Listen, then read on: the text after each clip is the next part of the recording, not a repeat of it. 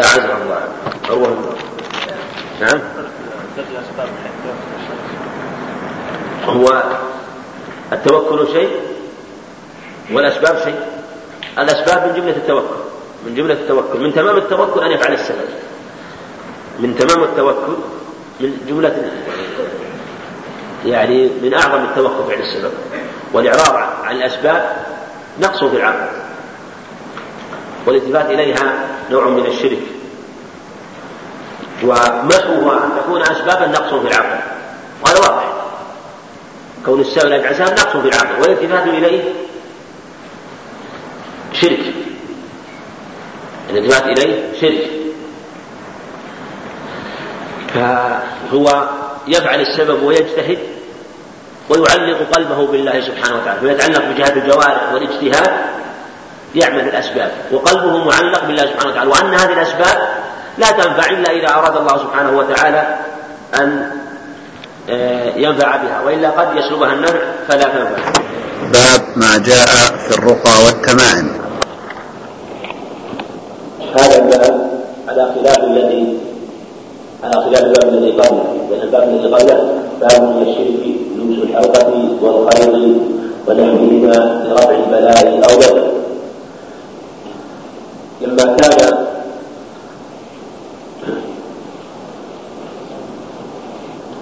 لما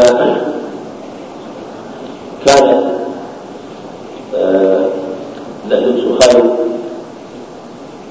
والحلقة من الشرك الأصغر ولا خلاف فيها أورده المصنف رحمه الله تعالى في الجزم ولهذا قال باب من الشرك ولم يرده مولد التردد بل جزم بأنه من الشرك الأصغر وذلك لأنه لا خلاف بين العلم أن لبس الحلقة هو الخير من رفع البلاء ودفعه من الشرك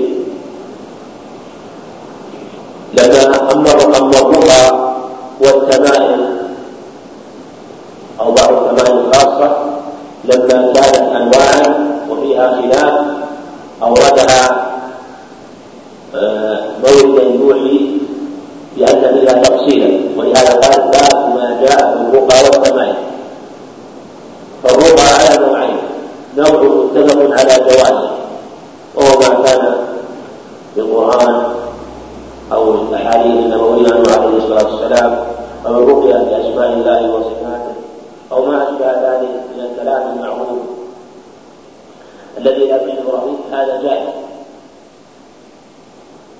وجاء في النصوص بجوازه بل وبعض النصوص على مشروعيته وأنه طب مشروع و آه، رقية المسلم لأخيه له فيها أجر ونوع منها محرم بلا خلاف وهو ما كان رقية باسم المجهول أو بأسماء الشياطين أو بكلام لا يعرف معناه. فلهذا قال المصنف باب ما جاء في الرقى فكأنه يريد أن يقول إنها ليست محرمة إطلاقا ولا جائزة إطلاقا بل عليك أن تعلم أن فيها تفصيلا. والتمائم فيها نوع محرم بلا خلاف. وهو الذي سبق بالباب قبله وهو الحلقة والخيط والتمائم ليست خاصة بالحلقة والخيط لا لكن لما كانت الجاهلية العرب يعلقون القيود والحلق وما أشبه ذلك جاء ذكرها في في في بعض النصوص وذكرها العلماء. وإلا فالتمائم كل شيء يعلق من خرق أو من قيود أو من من خشب أو من عظام أو ما أشبه ذلك. كله من التمام أو بالخرج. وبعض بعض العلماء خصوا بالخرج. وقال إنه خرج لكن أو بعض أئمة قال إنه خرج لكن لا يريدون أن الخرج آه، أن لا تكون إلا أن التمام لا تكون إلا الخرج. لا لكن يقولون إن التمام التي جاءت في الأحاديث مراد المراد بها الخرج لأن هي التي كانت تستعمل والتي يستعملها العرب والتي كانت يتخذونها كثيرا. ولهذا جاء في الحديث من تعلق ودعة وهو نوع من الصدف أبيض يخرج من البحر فهذه آه، آه، الأنواع هي التي كانوا يتخذونها. فلهذا ذكره المصنف رحمه الله الباب الذي قبله وقال الحلقة والخيل لأنها جاءت في الأحاديث هكذا. وإلا فتم كل شيء يعلم لقصد رفع البلاء دفعه فهذا النوع محرم بلا خلاف. وهنا وهناك نوع آخر من التمائم في جواز الخلاف وهو إذا كان يعلق من القرآن أو من السنة. إذا علق عليه ورقة مكتوب بها شيء من الأحاديث أو شيء من القرآن هذا فيه خلاف هل يجوز أو لا يجوز؟ وسيأتي شيء من الإشارة إليه إن شاء الله. فلهذا المصنف رحمه الله أورده أورد الترجمة على هذا النحو آه، حتى يبين أو يدعى آه، إلى البحث في هذه المسألة وأن فيها شيئا من التفصيل. ثم ذكر رحمه الله حديث أبي بشير قالوا في الصحيح عن أبي بشير الأنصاري. يعني في الصحيحين عن أبي بشير الأنصاري رضي الله عنه أنه كان مع النبي صلى الله عليه وسلم في بعض أسفاره فأرسل أن لا يبقين في رقبة بعير قلادة من وتر أو قلادة إلا قطعت. البعير يطلق على الذكر والأنثى ألا يبقين في رقبة بعير قلادة وتر اختلف في قول أو قلادة أو قلادة هل هو شك من الراوي أو من باب الترويع وأن الممنوع وأن القلادة سواء كانت من وتر أو من غيره من غير الأوتار أنها ممنوعة. والذي من وتر هي التي تكون من جلود تتخذ بالسهام فإذا يد بل يد جعلوها على البعير وعلقوها عليه يظنون أنها تتبع العين عنه. فلهذا قال لا يبقين نحن في رقبة بعير قلادة من وتر أو قلادة هكذا في الصحيحين أو في لفظ الشك. وقيل إن أو إن أو هنا بمعنى الواو. فيكون معنى لا يبقين في رقبة بعير قلادة من وتر وقلادة سواء كانت من وتر أو غير وتر لكن خص خصت الأوتار بذكر البعير هنا.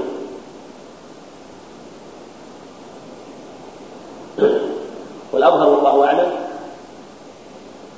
أن أن أنه شك من الراوي لكن الأظهر أنها أن النهي عن القلائد من الأوتار.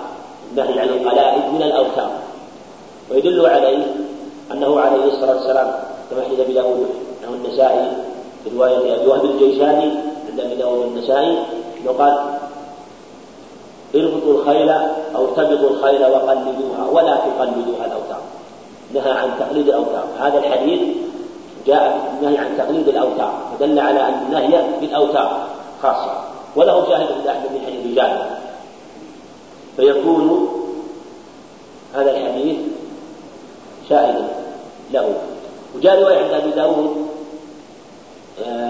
تدل على أن النهي عن النوعين سواء كانت من وتر أو غير الأوتار بلفظ لا يبقين في بعير في رقبة بعير. قلادة من وتر ولا قلادة. بالنهي عن قلادة سواء كانت وتر أو غيره وهذه الرواية. الله أعلم بصحة ذاتها الشافعي في سلمان ولم يذكر سندها عند أبي داود.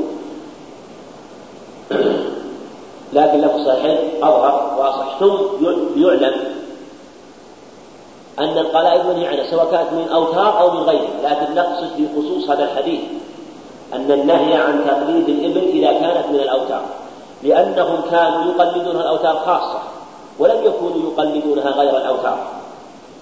يقلدونها الأوتار وهي من الجلود الوتر حق السهم إذا بلي أزالوه واستبدلوه ووضعوا البال هذا القديم على البعير ويظنون أنه يتبع عليه فالنهي جاء بها خاصة لأنهم يظنونها أيضا بها أما تقليد الإبل غير الأوتار فلا بأس. خرق أخرى لا بأس إذا كان يعني المصلحة. وليس القصد لأجل دفع العين أو أنها تنفع أو تضر. لأن تقليد الإبل أو غيرها القلائد سواء كانت من أوتار أو غيرها بنية أنها تتبع لا يجوز. هذا هذا واضح ما في إشكال. تقليد الإبل الأوتار أو غيرها لا يجوز.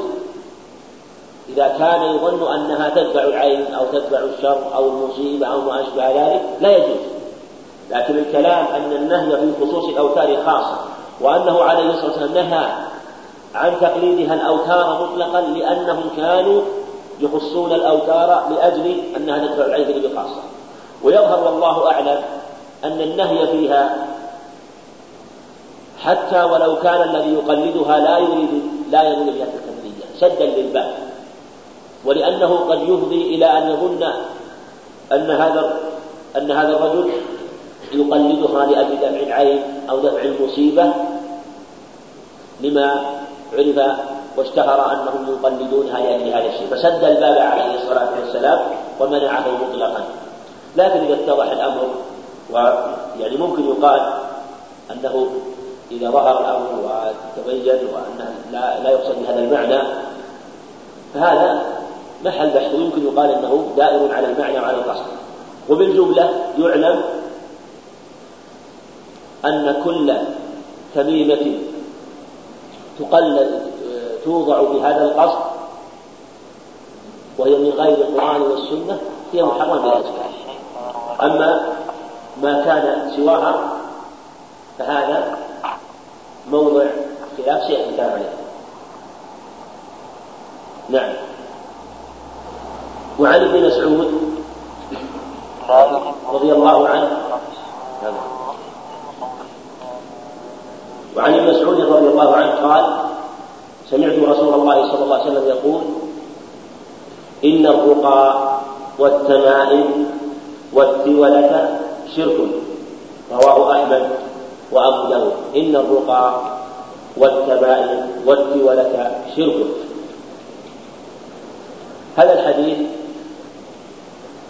له قصة واختصر صنف هنا وقد روي بسند قال بعض العلماء إن فيه رجلا مجهولا. وقال بعضهم إن هذا الرجل آه، ليس مجهول بل يحتمل يكون له صحبة.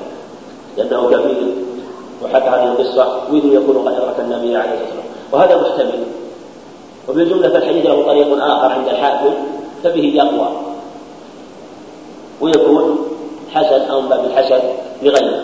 ثم الشواهد دالة له. له في معناه عدة أخبار تدل على هذا معنى النهي عن التمائم. أخبار كثيرة لكن شاهده بالخصوص قصد شاهده بالخصوص ما جاء عند الحاكم. إن الرقى المراد بالرقى هنا الرقى الشركية التي تكون بأسماء الشياطين أو بأسماء مجهولة أو بكلام أعجمي لا يعرف. فهذه نوع من الشرك وكانت مشتهرة منتشرة في الجاهلية. فالمراد بها الرقى الممنوعة. ولهذا نهى عنه عليه نهى عنها عليه الصلاة والسلام. ثم قال اعرضوا علي رقاكم كما في حديث أبو مالك في مسلم. ثم قال لا بأس بالرقى ما لم تكن شركا. وفي لفظ عند مسلم من استطاع منكم أن ينفع أخاه فليفعل والتمائم هذه مراد بها كما قلنا ما يعلق على الصبيان أو على الصغار أو على الكبار سواء كان نساء أو رجال أو على الإبل أو سائر الحيوانات. كل هذه التمائم سمها ما شئت. سواء كانت من خراج أو من عظام أو من آه، أو من جلود أو من جذوع من أي شيء. المقصود أنها يقصد بها هذا الشيء فهي شرك. ولا تجوز. يعني من الشرك الأصغر كما سبق لنا قبله ومباحث البابين هذين البابين متقاربة. والتولة. التولة كما سيذكر المصنف شيء تصنعه النساء يزعمون أنه يحبب المرأة إلى زوجها والرجل إلى امرأة إلى امرأته. نوع من السحر. إما شيء يقرأ فيه شيء من آه، التعاويل الباطلة أو يوضع في شيء من أسماء الجن أو من الشركيات التي يعين بها شياطين الجن بمعاونة شياطين الإنس فيجعلون بها أشياء. تصرف بعض ما كان بين الزوجين بسبب الجن. لأن الجن لهم أعوان قد يعملون بعض الشيء.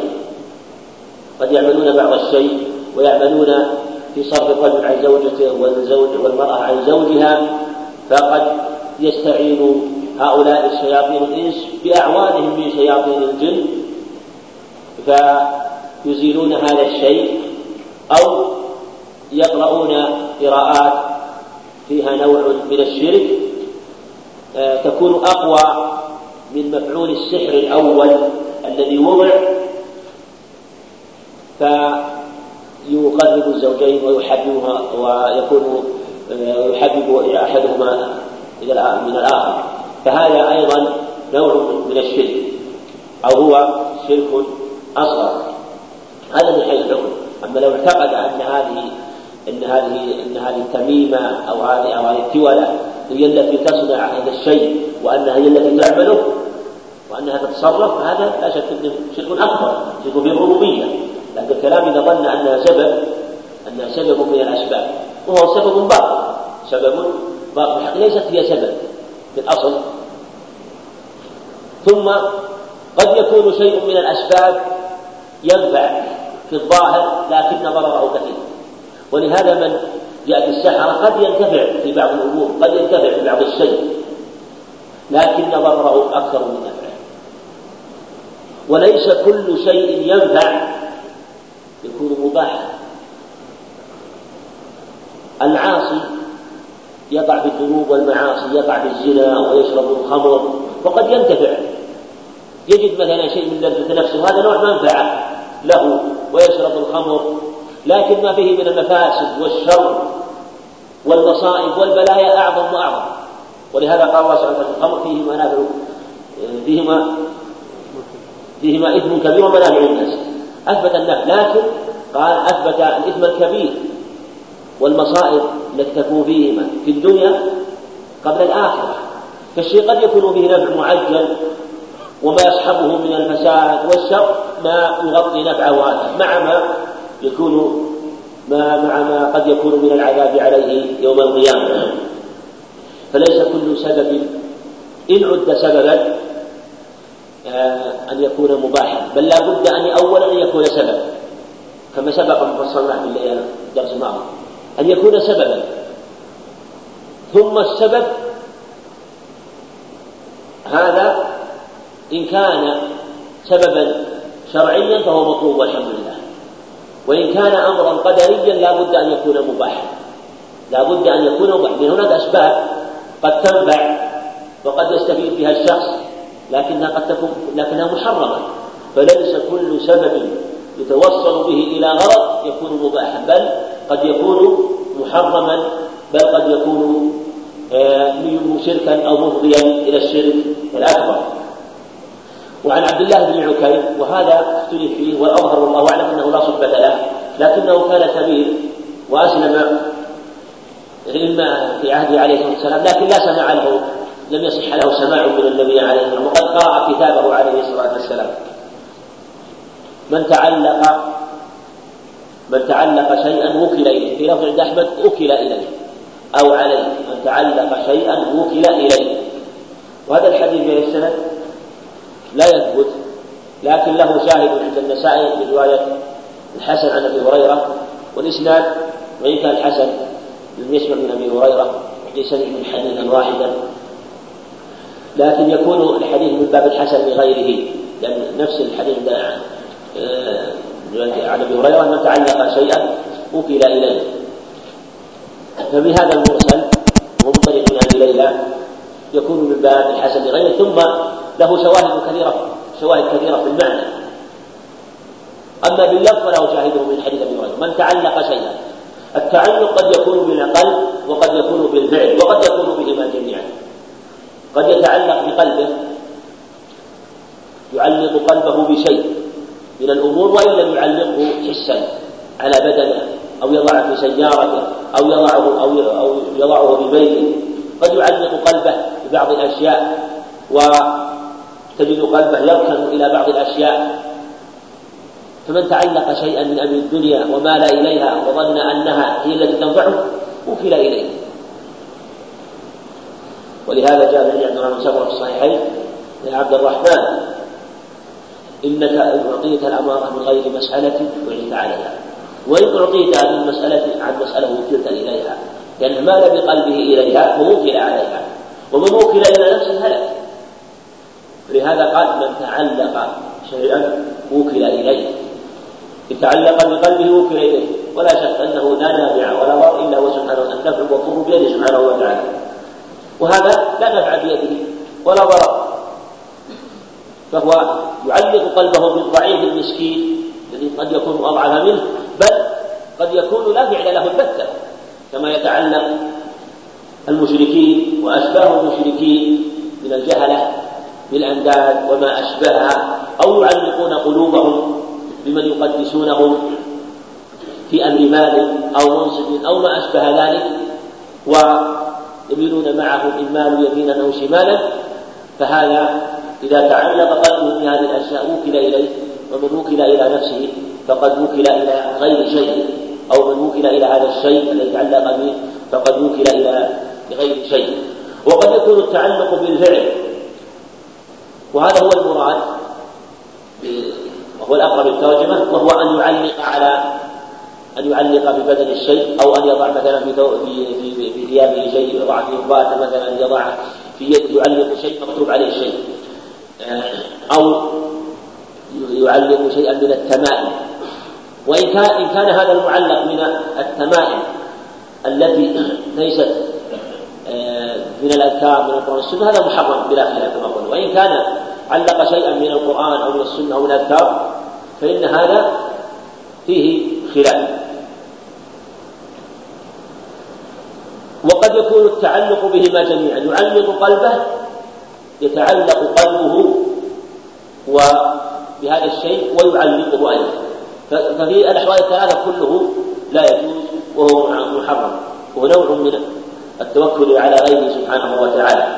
ثم هو سبب لا يجوز إن كان تميمة معلقة. يقول مصنف رحمه الله التمائم شيء يعلق على الصبيان تكون بالعين وإن كان المعلق من القرآن فقد رخص فيه بعض السلف. وبعضهم نهى عنه منهم عبد الله بن مسعود رضي الله عنه. وابن مسعود نهى عنه. والمصنف رحمه الله لم يجزم بشيء. والجمهور على منع تعليق التمائم مطلقا. وسبق إذا كانت من غير القرآن والسنة. أما إذا كانت من القرآن والسنة فهذا فيه خلاف. والصواب هو قول الجمهور هو المنع.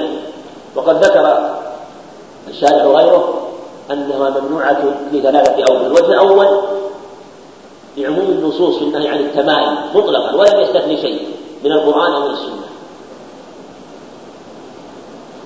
الدليل الثاني أنه وسيلة إلى الشرك ووسيلة إلى تعليق غيرها من غيرها القرآن والسنة. إذا إذا علق هذه الأشياء واعتمد عليها قد تدعوه نفسه إلى أن يعلق غيرها. لأن من؟ مال قلبه إلى هذه الأشياء المعلقة قد يميل إلى غيرها مما هو من مما يكون من جلود أو غرز أو معاضد أو أشياء قد تخرج وهي أشياء توجد عند كثير من الناس و أو يضعون مثلا شيء من المعاصي في أيديهم. المقصود أن يكون وسيلة إلى هذه الأشياء المحرمة بالاتفاق والقاعدة الشرع سد الذرائع والوسائل المفضية إلى المحرمات. ولو لم يكن من الأدلة إلا هذا الدليل لكان كافيا وجيدا وقاعدة الشرع سد الذرائع. وهذا وهذا من أقرب الذرائع وأقرب الوسائل إلى الشرك. والدليل الثالث أنه وسيلة إلى إهانتها فإنه يحملها ويزعم أنها لابد أن تكون معه بل إنه يقول إن أولى ما تحمل في هذه الأشياء في المواضع القذرة كالخلا وما أشبه ذلك في مواضع الشياطين لابد أن يحملها. فيكون إهانة لها. هم ذكروا هذه الأشياء. وبالنظر والتأمل يتبين أدلة أخرى. ولو نظر في المسألة لزالت أدلتها وكلما تؤملت وجدت ظاهرة وبينة في التحريم وأن قول الجمهور هو الصحيح. منها أنه عليه الصلاة والسلام أمر النائم بالأذكار المعروفة وأرشده إليها وأرشد إلى الأذكار عند إقبال الليل الأذكار الخاصة. وأرشد إلى الأذكار بعد الصلوات. فلو كانت تعليق الأذكار مغنيا عن النطق بها وعن التلفظ بها لكان الإرشاد إلى كتابتها بورقة أو بصك أو ما أشبه ذلك أو تعلق في خرقة أو ورقة لكان أسهل وأيسر. يكتبها في ورقة ويضعها في إطباقه ويعلقها خلاص ما له حاجة كل ليل يقرأها. أو يكون ورده يقرأه كل كل يوم. كان كتابتها أسهل وأيسر إذا كان يحصل المقصود المراد من تعليقها؟ فكان تعليقها أيسر وأسهل. ثم أيضا في دفع إلى العمل بها وإلى تحصيل الأجر الوارد فيها. فلما لم يرشد إلى هذا وأمر المسلم أن وشرع له أن يقولها وأن يتلفظ بها دل على أن كتابتها وأن تعليقها غير مشروع. دليل آخر ثبت في صحيح البخاري عن ابن عباس قال كان النبي صلى الله عليه وسلم يعوذ الحسن والحسين ويقول أعيذكما بكلمات الله التامة من كل شيطان وهام ومن كل عين لامة لو هؤلاء الصبيان لا يعرفون هذه الأذكار ولهذا قرأ عليهم عليه الصلاة والسلام لكونهم لا يعرفون. الصبيان كانوا كانوا صغارا فكان يعوضهم ولو كان التعليق أمرا مطلوبا أو مشروعا أو كافيا لأمر عليه الصلاة والسلام أباهما أو أمهما أو أمره عليه الصلاة والسلام أن يكتب لهما في ورقة وأن تعلق عليهما وأن هذا يكفي. وأيضا ممكن يقال دليل آخر أن يقال الأصل في العبادات التوقيف فمن قال إن هذا مشروع أو إن هذا لا بأس به في عمل من الأعمال الشرعية فنقول ما الدليل عليه؟ ولا دليل في هذه المسألة لا دليل على أن مثل هذا العمل جائز أو أنه لا بأس به. وكلما تأملت هذا القول وجدته يزداد قوة ووضوحا وأن القول بالتحريم هو الأظهر. بل إنه بدعة وسبب آه، أيضا أنه ذريعة قريبة إلى الشرك. أما ما جاء عن عبد الله بن عمرو فهذا في حديث عن عبد الله بن عمرو وقد قرأته في داود لكن ما أكون حسنة الآن. وجاء عنه في حديث آه، في حديث عن عبد الله بن عمرو أنه آه، بالله من غضبه وعقابه أن أمر من يعني يجد أو أمره عليه السلام أن يقول هذا فإنه يعني يزيل الفزع أو شيء من هذا. قال أعوذ بالله من غضبه وعقابه وشد العبادة من همزات الشياطين. أو يحضرون أو أن يحضرون. حديث بهذا اللفظ أو قريب منه. آه، قال في أن عبد الله بن عمرو وكان أولاده الذين ما من لم يحسنها؟ علقه عليه. علقه عليه أو كتب له بصرته وعلقه عليه. فهذا يظهر صحة عن الله بن عمرو ومقارنة بنفس السند نفس الحديث. فإن ثبت عنه فيقال إن عبد الله بن عمرو رضي الله لم يجوز عليه الإطلاق بل أجازه بالصبي الذي لا يحسن القراءة. وظاهر ما حكى كريم الشيطان عبد الله عمرو إطلاقا والظاهر منه فعلا أنه لم آه، يفعله إلا مع من لم يحسن القراءة أو يحسن حفظ الحديث. فكان يعلقه أما عن الإطلاق فلا. ويقيل بالعموم عن ما جاء عنه رضي الله عنه فإنه يقال إن مثل هذه المسائل تنقع عن الصحابة آحاد المسائل القاعدة في آحاد المسائل المنقولة عن الصحابة المعين في أمور العبادات أو العقائد أو أمور تتعلق بالمعاملات أو ما أشبه ذلك في أي مسائل من هذه من مسائل الفقه أو التوحيد إذا نقل عنه أمر انفرد به انفرد به ولم يعلم أن أحدا وافقه وكان ظاهر قوله مخالفا للأخبار فليس حجة بالاتفاق. فكيف إذا كان إذا خالفه غيره من الصحابة؟ إذا خالفه غيره من الصحابة. فإنه ليس حجة بالاتفاق. وإلا فكثير من الصحابة لهم آحاد من المسائل تفردوا بها لم يقل بها كثير من أهل العلم بل قالوا إن القول الصحيح على خلاف قوله. وهذا في مسائل كثيرة معروفة. ذكرها العلم فالمقصود أن القول الصحيح هو قول الجمهور وأنها لا تكون من من القرآن أو آية الحجر. نعم هذا هو الظاهر. لا بدعة ثم ذكر رحمه الله آه الرقى قال وهي العزائم وقد رخص فيه رسول, رسول الله صلى الله عليه وسلم ما خلا من الشرك فقد رخص فيه من العين والحمى. وهذا يبين ما سبق أن ذكرناه وأن الرقى كما سبق أن قلنا إنها ليست محرمه اطلاق لكن ما خلا من الشرك فرخص رسول الله صلى الله عليه وسلم وجاءت الاحاديث النصوص بأن هذه جائزة بل إنها بل ارشد إليها عليه الصلاة والسلام. إذا انتفى المحذور الشرعي. وقالوا إنه يكتفي بأن تكون آه، بسم الله آه، بأسماء الله وصفاته. وأن تكون بكلام عربي معروف معقول المعنى. وأن لا يعتمد عليها. فبهذه الشروط الثلاثة تكون الرقى جائزة جائزة بلا خلاف والتولة شيء يصنعونه يزعمون أنه يحبب المرأة إلى زوجها والرجل إلى امراته هذه هي ولو سبق أن قلنا ذكرناه أنها لا تجوز. وروى أحمد عن رويفع أن أن النبي عليه الصلاة والسلام قال يا رويفع قال يا رويفع لعل الحياة تطول بك فأبلغ الناس.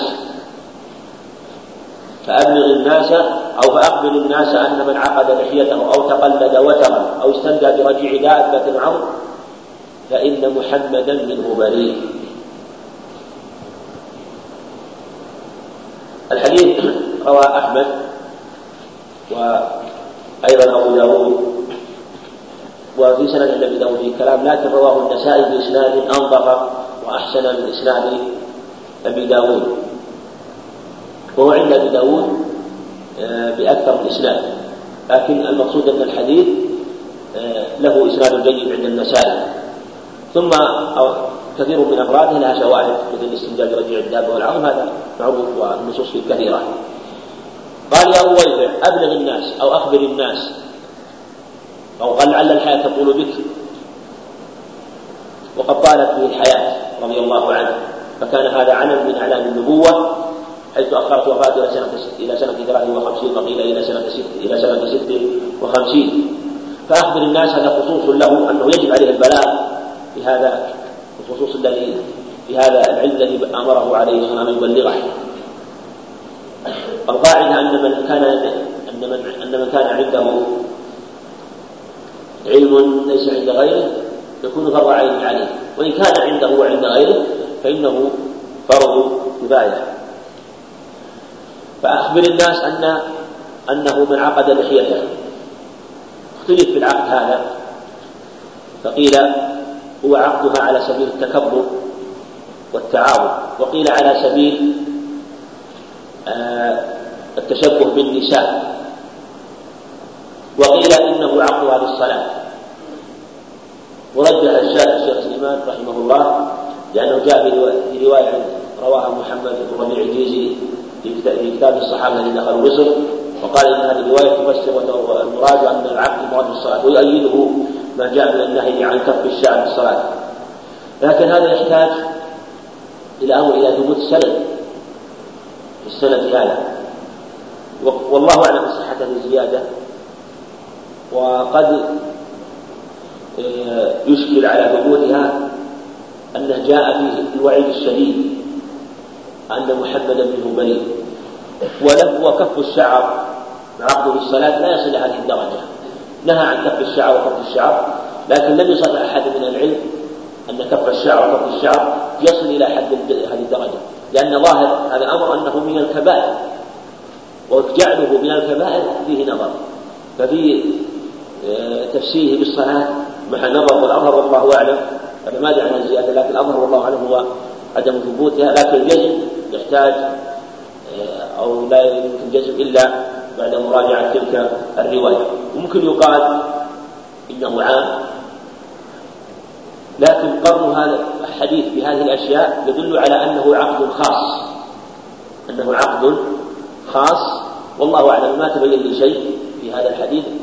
يحتاج يعني إلى عناية في يعني المعنى. ما ما هو المعنى؟ إن كان على سبيل التكبر والتعجب والفخر المعنى ظاهر. وأنه كانوا يعقدونها يعني يعقدون آه، آه، اللحى على هذا السبيل. فلا شك أن الكبر بهذه المثابة والله أعلم. من عقد لحيته أو تقلد وترا هذا هو الشاهد. أو, تقلد وترا والحديث هذا